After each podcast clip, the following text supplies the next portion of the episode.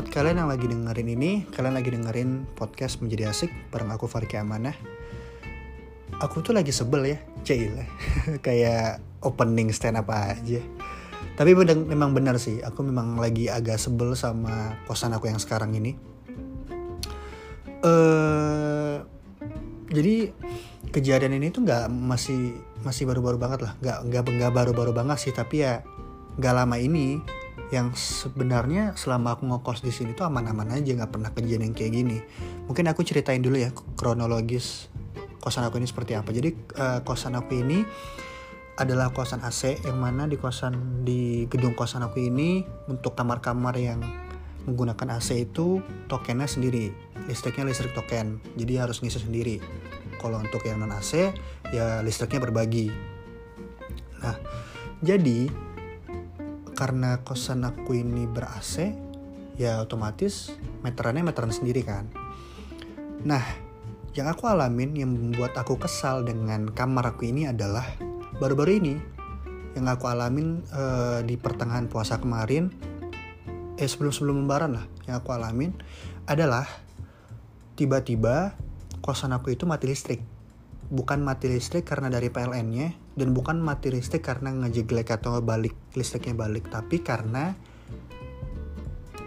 daya lebih. Yang padahal selama aku ngekos selama aku ngekos di kamar ini sebelum-sebelumnya tuh aman-aman aja. Nggak tahu kenapa tiba-tiba kayak gitu. Katanya daya berlebih padahal aku cuma ngidupin AC sama ngecas HP sama ngecas laptop aja kadang-kadang kalau misalnya laptop lagi lagi ya lagi apa ya lagi lobet ketika dipakai gitu. Nah tiba-tiba mati tuh mati. Dia tuh matinya mati sekali harus nunggu beberapa lama menit mungkin 3 sampai 5 menit baru hidup lagi. Terus 5 menit hidup mati lagi ntar habis itu. Ya nunggu lagi 3 sampai 5 menit habis itu hidup lagi baru setelahnya baru uh, stabil lagi nggak mati-mati ya walaupun cuma dua kali mati ya tetap aja kan menyebalkan lah gitu. Terus aku udah laporin kejadian kosan aku ini sama penjaga kos. Terus kata penjaga kosnya dia bakal ngehubungin bosnya yang punya kosan ini buat ya dicek dulu lah apa yang ada masalah apa sama listrik kamar aku ini. Tapi sampai sekarang belum ada kelanjutannya. Ya aku pengen lapor lagi sih gimana jadinya kamar aku ini dan itu yang aku alamin ini adalah salah satu hal yang tidak menye tidak menyenangkan lah. Tidak menyenangkan. Oke ngomongin soal hal-hal yang tidak menyenangkan asik. Enak banget ya bridgingnya ya. Jadi mungkin kalian udah ini udah tahu lah ya fenomena yang terjadi belakangan ini. Ya mungkin gak baru-baru banget tapi ya nggak apa-apa lah aku ceritain aja. Jadi ada mbak-mbak boleh nggak ya nyebut mbak-mbak takutnya malah diserang SJW ini lagi. Soalnya kan kemarin sempat itu sempat rame ya yang ada orang dia itu ngasih review atau testimoni bintang satu terus dia tuh nggak terima kalau dipanggil kak sama driver ojol ya kan? Nah takutnya nih ada si mbak mbak yang aku sebutin ini dia nggak terima kalau dipanggil mbak kan mana tahu ya. Tapi ya bodo amat lah. Intinya ada mbak mbak. Mbak mbak dia itu di pesawat dia motong antrian katanya pengen buru-buru turun dari pesawat gitu. Terus si mbak-mbaknya ini ditegur sama ibu-ibu dijelasin sama ibu-ibunya ini tapi si mbak-mbaknya ini malah nyolot malah nggak terima. Terus yang paling disorotin dari uh, reaksi mbak-mbaknya ini adalah ya dia ngomong aba coco te bacot. Ah ya itu yang menjadi apa ya? Yang yang menyebabkan netizen makin kesal sama mbak-mbak itu adalah itu. Sebenarnya BA bacot bacotnya dia itu. Yang sebenarnya tidak pantas dia keluarkan kepada orang yang menegur dia untuk hal yang benar dan yang menegur dia juga ibu-ibu yang yang at least eh, at least lagi sosok Inggris loh. Hah, yang yang negurnya itu adalah ibu-ibu yang secara tidak langsung bukan secara tidak langsung ya yang yang dia adalah lebih tua daripada si Mbamba itu. Apakah si Mbambanya salah karena nyalakan tren? tentu salah karena peraturan penerbangan sudah mewajibkan karena ya selama pandemi ini juga itu juga udah jadi aturan lah udah jadi aturan tetapnya kalau untuk urutan ketika turun dari pesawat itu kan lima baris terdepan dulu baru kemudian lima baris berikutnya dan seterusnya. Sedangkan si mbak mbaknya itu entah apa yang dikejarnya di bawah sana apa yang dikejar di luar sana dia pengen buru-buru. Ya itu dia kan salah. Terus yang kedua dia bereaksi yang tidak seharusnya kepada orang yang menegur dia untuk hal yang baik. Itu jelas salah dong ya kan? Apalagi yang dia yang dia lawan itu adalah ibu-ibu yang dia lebih tua daripada si mbambanya itu jelas salah ya netizen yang lebih tahu lah ya. Dan kalian juga yang lebih tahu lah mana yang benar mana yang salah. Dan mungkin ya mungkin Simbambanya ini termasuk orang yang dia itu tidak nyaman ketika harus menunggu lama di dalam antrian. Karena ada loh beberapa orang yang memang seperti itu. Termasuk aku juga. Aku itu termasuk orang yang nggak nyaman untuk ngantri.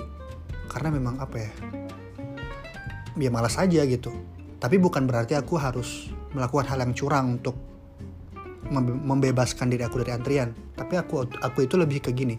Misal aku pengen beli sebuah barang keluar ke supermarket atau minimarket ke swalayan kayak Indomaret atau Alfamart lah gitu ya. Terus aku lihat di Indomaret atau Alfamart terdekat kan pintunya pintu kaca tuh. Kan bisa kelihatan ya antriannya. Kalau misalnya antriannya rame aku rela loh nyari nyari Indomaret atau Alfamart lebih jauh. Yang antriannya jauh lebih sedikit. Karena apa? Biasanya orang-orang kayak gini tuh orang-orang yang males diem di tempat terlalu lama. Mereka itu lebih nyaman untuk ya jalan ya lebih baik jalan menghabiskan waktu baik daripada kita harus diem tapi menghabiskan waktu yang banyak. Gitu. Ya kalian paham lah maksud maksud maksud aku gimana. Ya mungkin si mbak mbaknya tipe yang seperti itu tapi dia justru malah melakukan hal yang salah. Padahal ya dia tidak perlu melakukan hal yang seperti itu.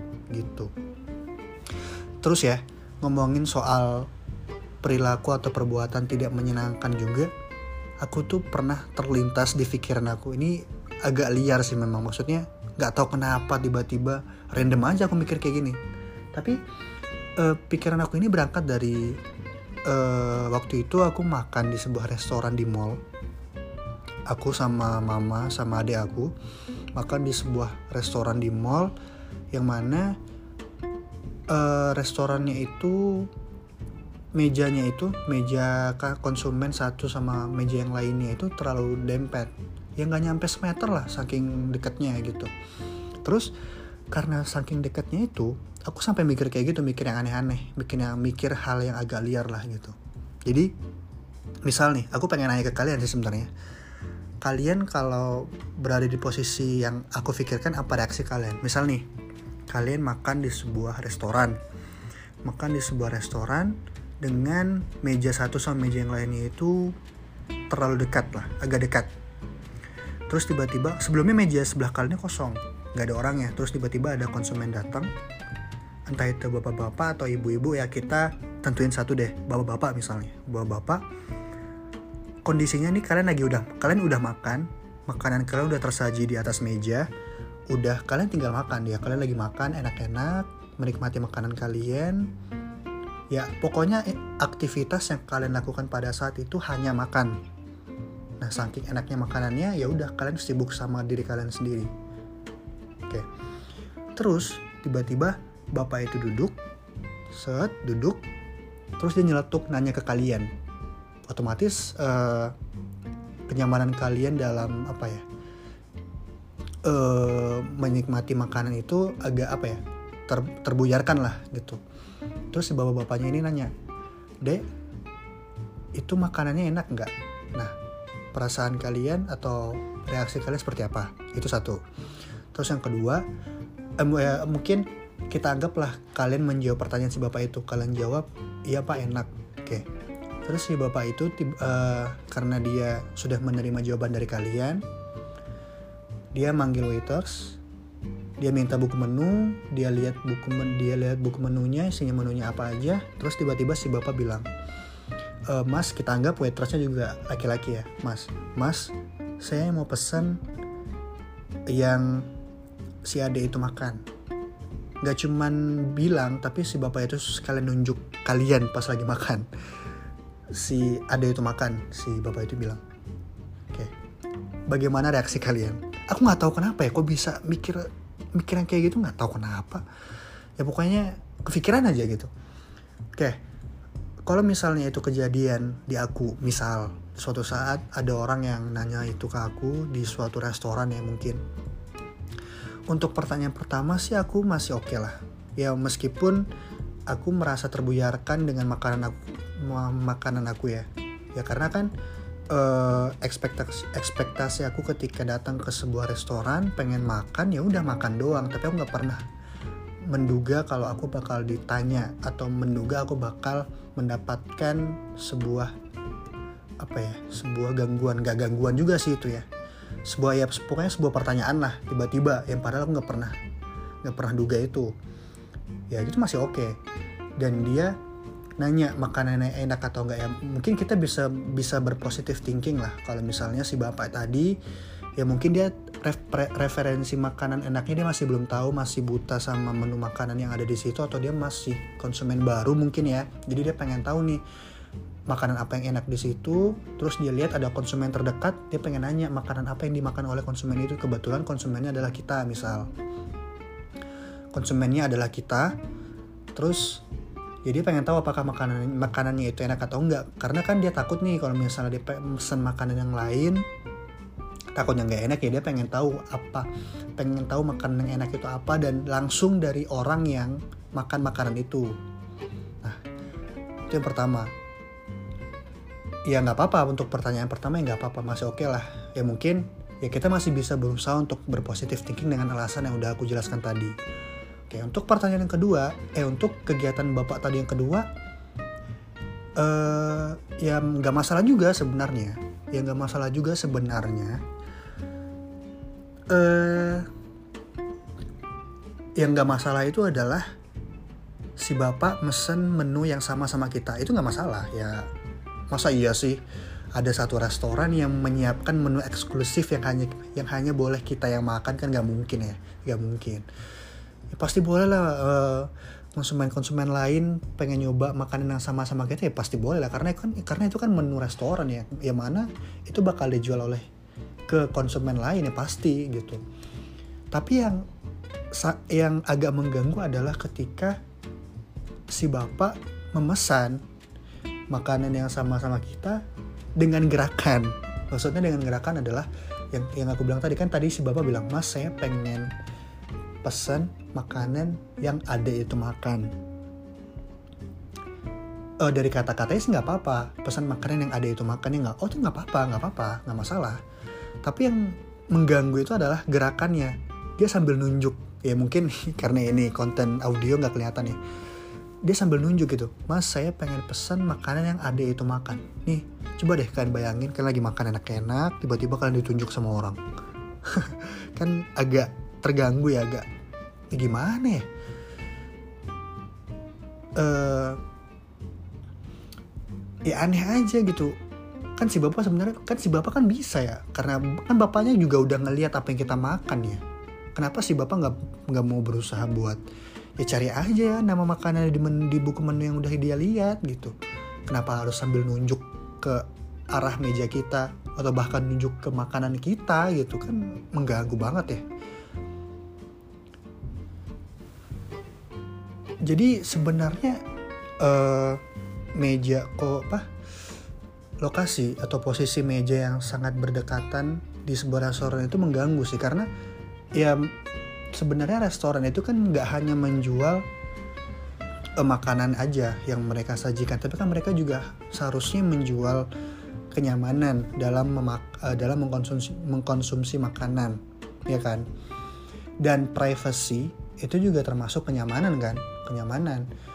Eh mungkin nggak nggak ya nggak harus dibikin bilik sih karena terlalu private lah istilahnya kalau makan harus dibilik-bilikin. Tapi dengan adanya jarak yang lumayan antara meja satu dengan meja yang lainnya juga memberikan sebuah privasi juga gitu. Karena kadang memang iya sih bukan beberapa kayaknya sebagian banyak orang sebagian besar orang juga nggak nyaman lah kalau misalnya harus makan tapi berdekatan jarak mejanya dengan konsumen lain kan nggak nyaman ya apalagi yang dengan konsumen yang kita nggak kenal gitu. Ya makanya meja meja itu memang harusnya harus dibikin yang agak jauhan dikit lah. Ya kita ngerti sih memang sebuah restoran pengen apa ya pengen uh, menampung banyak konsumen ya tapi jangan sampai nempet-nempet juga lah gitu. Itu kan jatuhnya apa ya kejadian kejadian yang tadi yang si bapak-bapak tadi yang muncul dari pikiran liar aku tadi itu kan menjadinya sebuah perbuatan yang tidak menyenangkan gitu. Ya mungkin kalian punya ya punya pengalaman yang lebih real bukan cerita doang yang aku pikirin. Pengalaman yang real terkait pengalaman-pengalaman yang tidak menyenangkan yang kalian alami selama kalian hidup ini?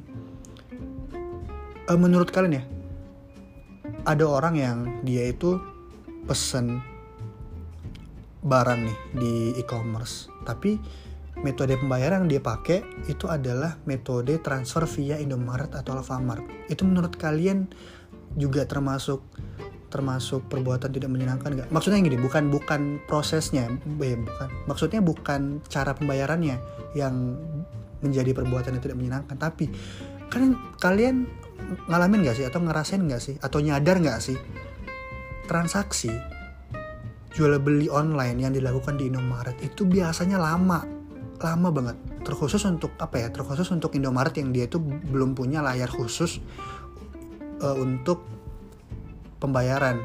Kayak misalnya kan ada tuh beberapa Indomaret yang dia itu ya yang Indomaret modern gitu ya yang dia tuh punya layar khusus lah untuk pembayaran pembayaran secara cashless gitu. Ada tapi ada yang Indomaret ada beberapa Indomaret yang itu yang dia itu pembayarannya via kasir ya kan? Itu sumpah itu lama banget sih. Kita aja yang belanja belanja yang satu keranjang aja mungkin di scan cepet gitu. Tapi dia yang bayar yang belanjanya nggak seberapa tapi proses pembayarannya lama belum lagi uh, si kasirnya atau mesin kasirnya itu bermasalah error atau segala macam. Ini kan justru malah memicu antrean yang lebih panjang lagi kan. Ya mungkin kalian juga pernah ngalamin itulah. Yaitu sebagian kecil bentuk uh, perbuatan yang per, apa pengalaman tidak menyenangkan yang aku alami mungkin kalian juga pernah lah ya mengalami perbuatan-perbuatan atau pengalaman-pengalaman tidak menyenangkan versi kalian yang mungkin bisa kalian ceritakan ke teman-teman kalian atau bisa kalian buatin podcast juga episode podcast juga ya. Ya biar kita bisa sharing-sharing lah terkait perbuatan-perbuatan atau pengalaman-pengalaman yang gak menyenangkan. Karena pengalaman yang gak menyenangkan itu tidak menyenangkan ketika kita mengalaminya tapi menyenangkan ketika kita ceritakan ke orang lain apalagi saling bertukar cerita gitu kan. Itu enak banget sih karena versi kita tuh cerita versi kita mungkin tidak seberapa tapi ketika kita mendengar versi orang lain ternyata wah saya bersyukur loh ternyata tidak tidak menyenangkannya pengalaman saya itu masih menyenangkan gitu. Tidak setidak menyenangkan pengalamannya mereka gitu. Ya mungkin sekian dulu ya uh, episode podcast pada kesempatan kali ini selamat mendengarkan dan sampai jumpa di episode selanjutnya. Bye bye.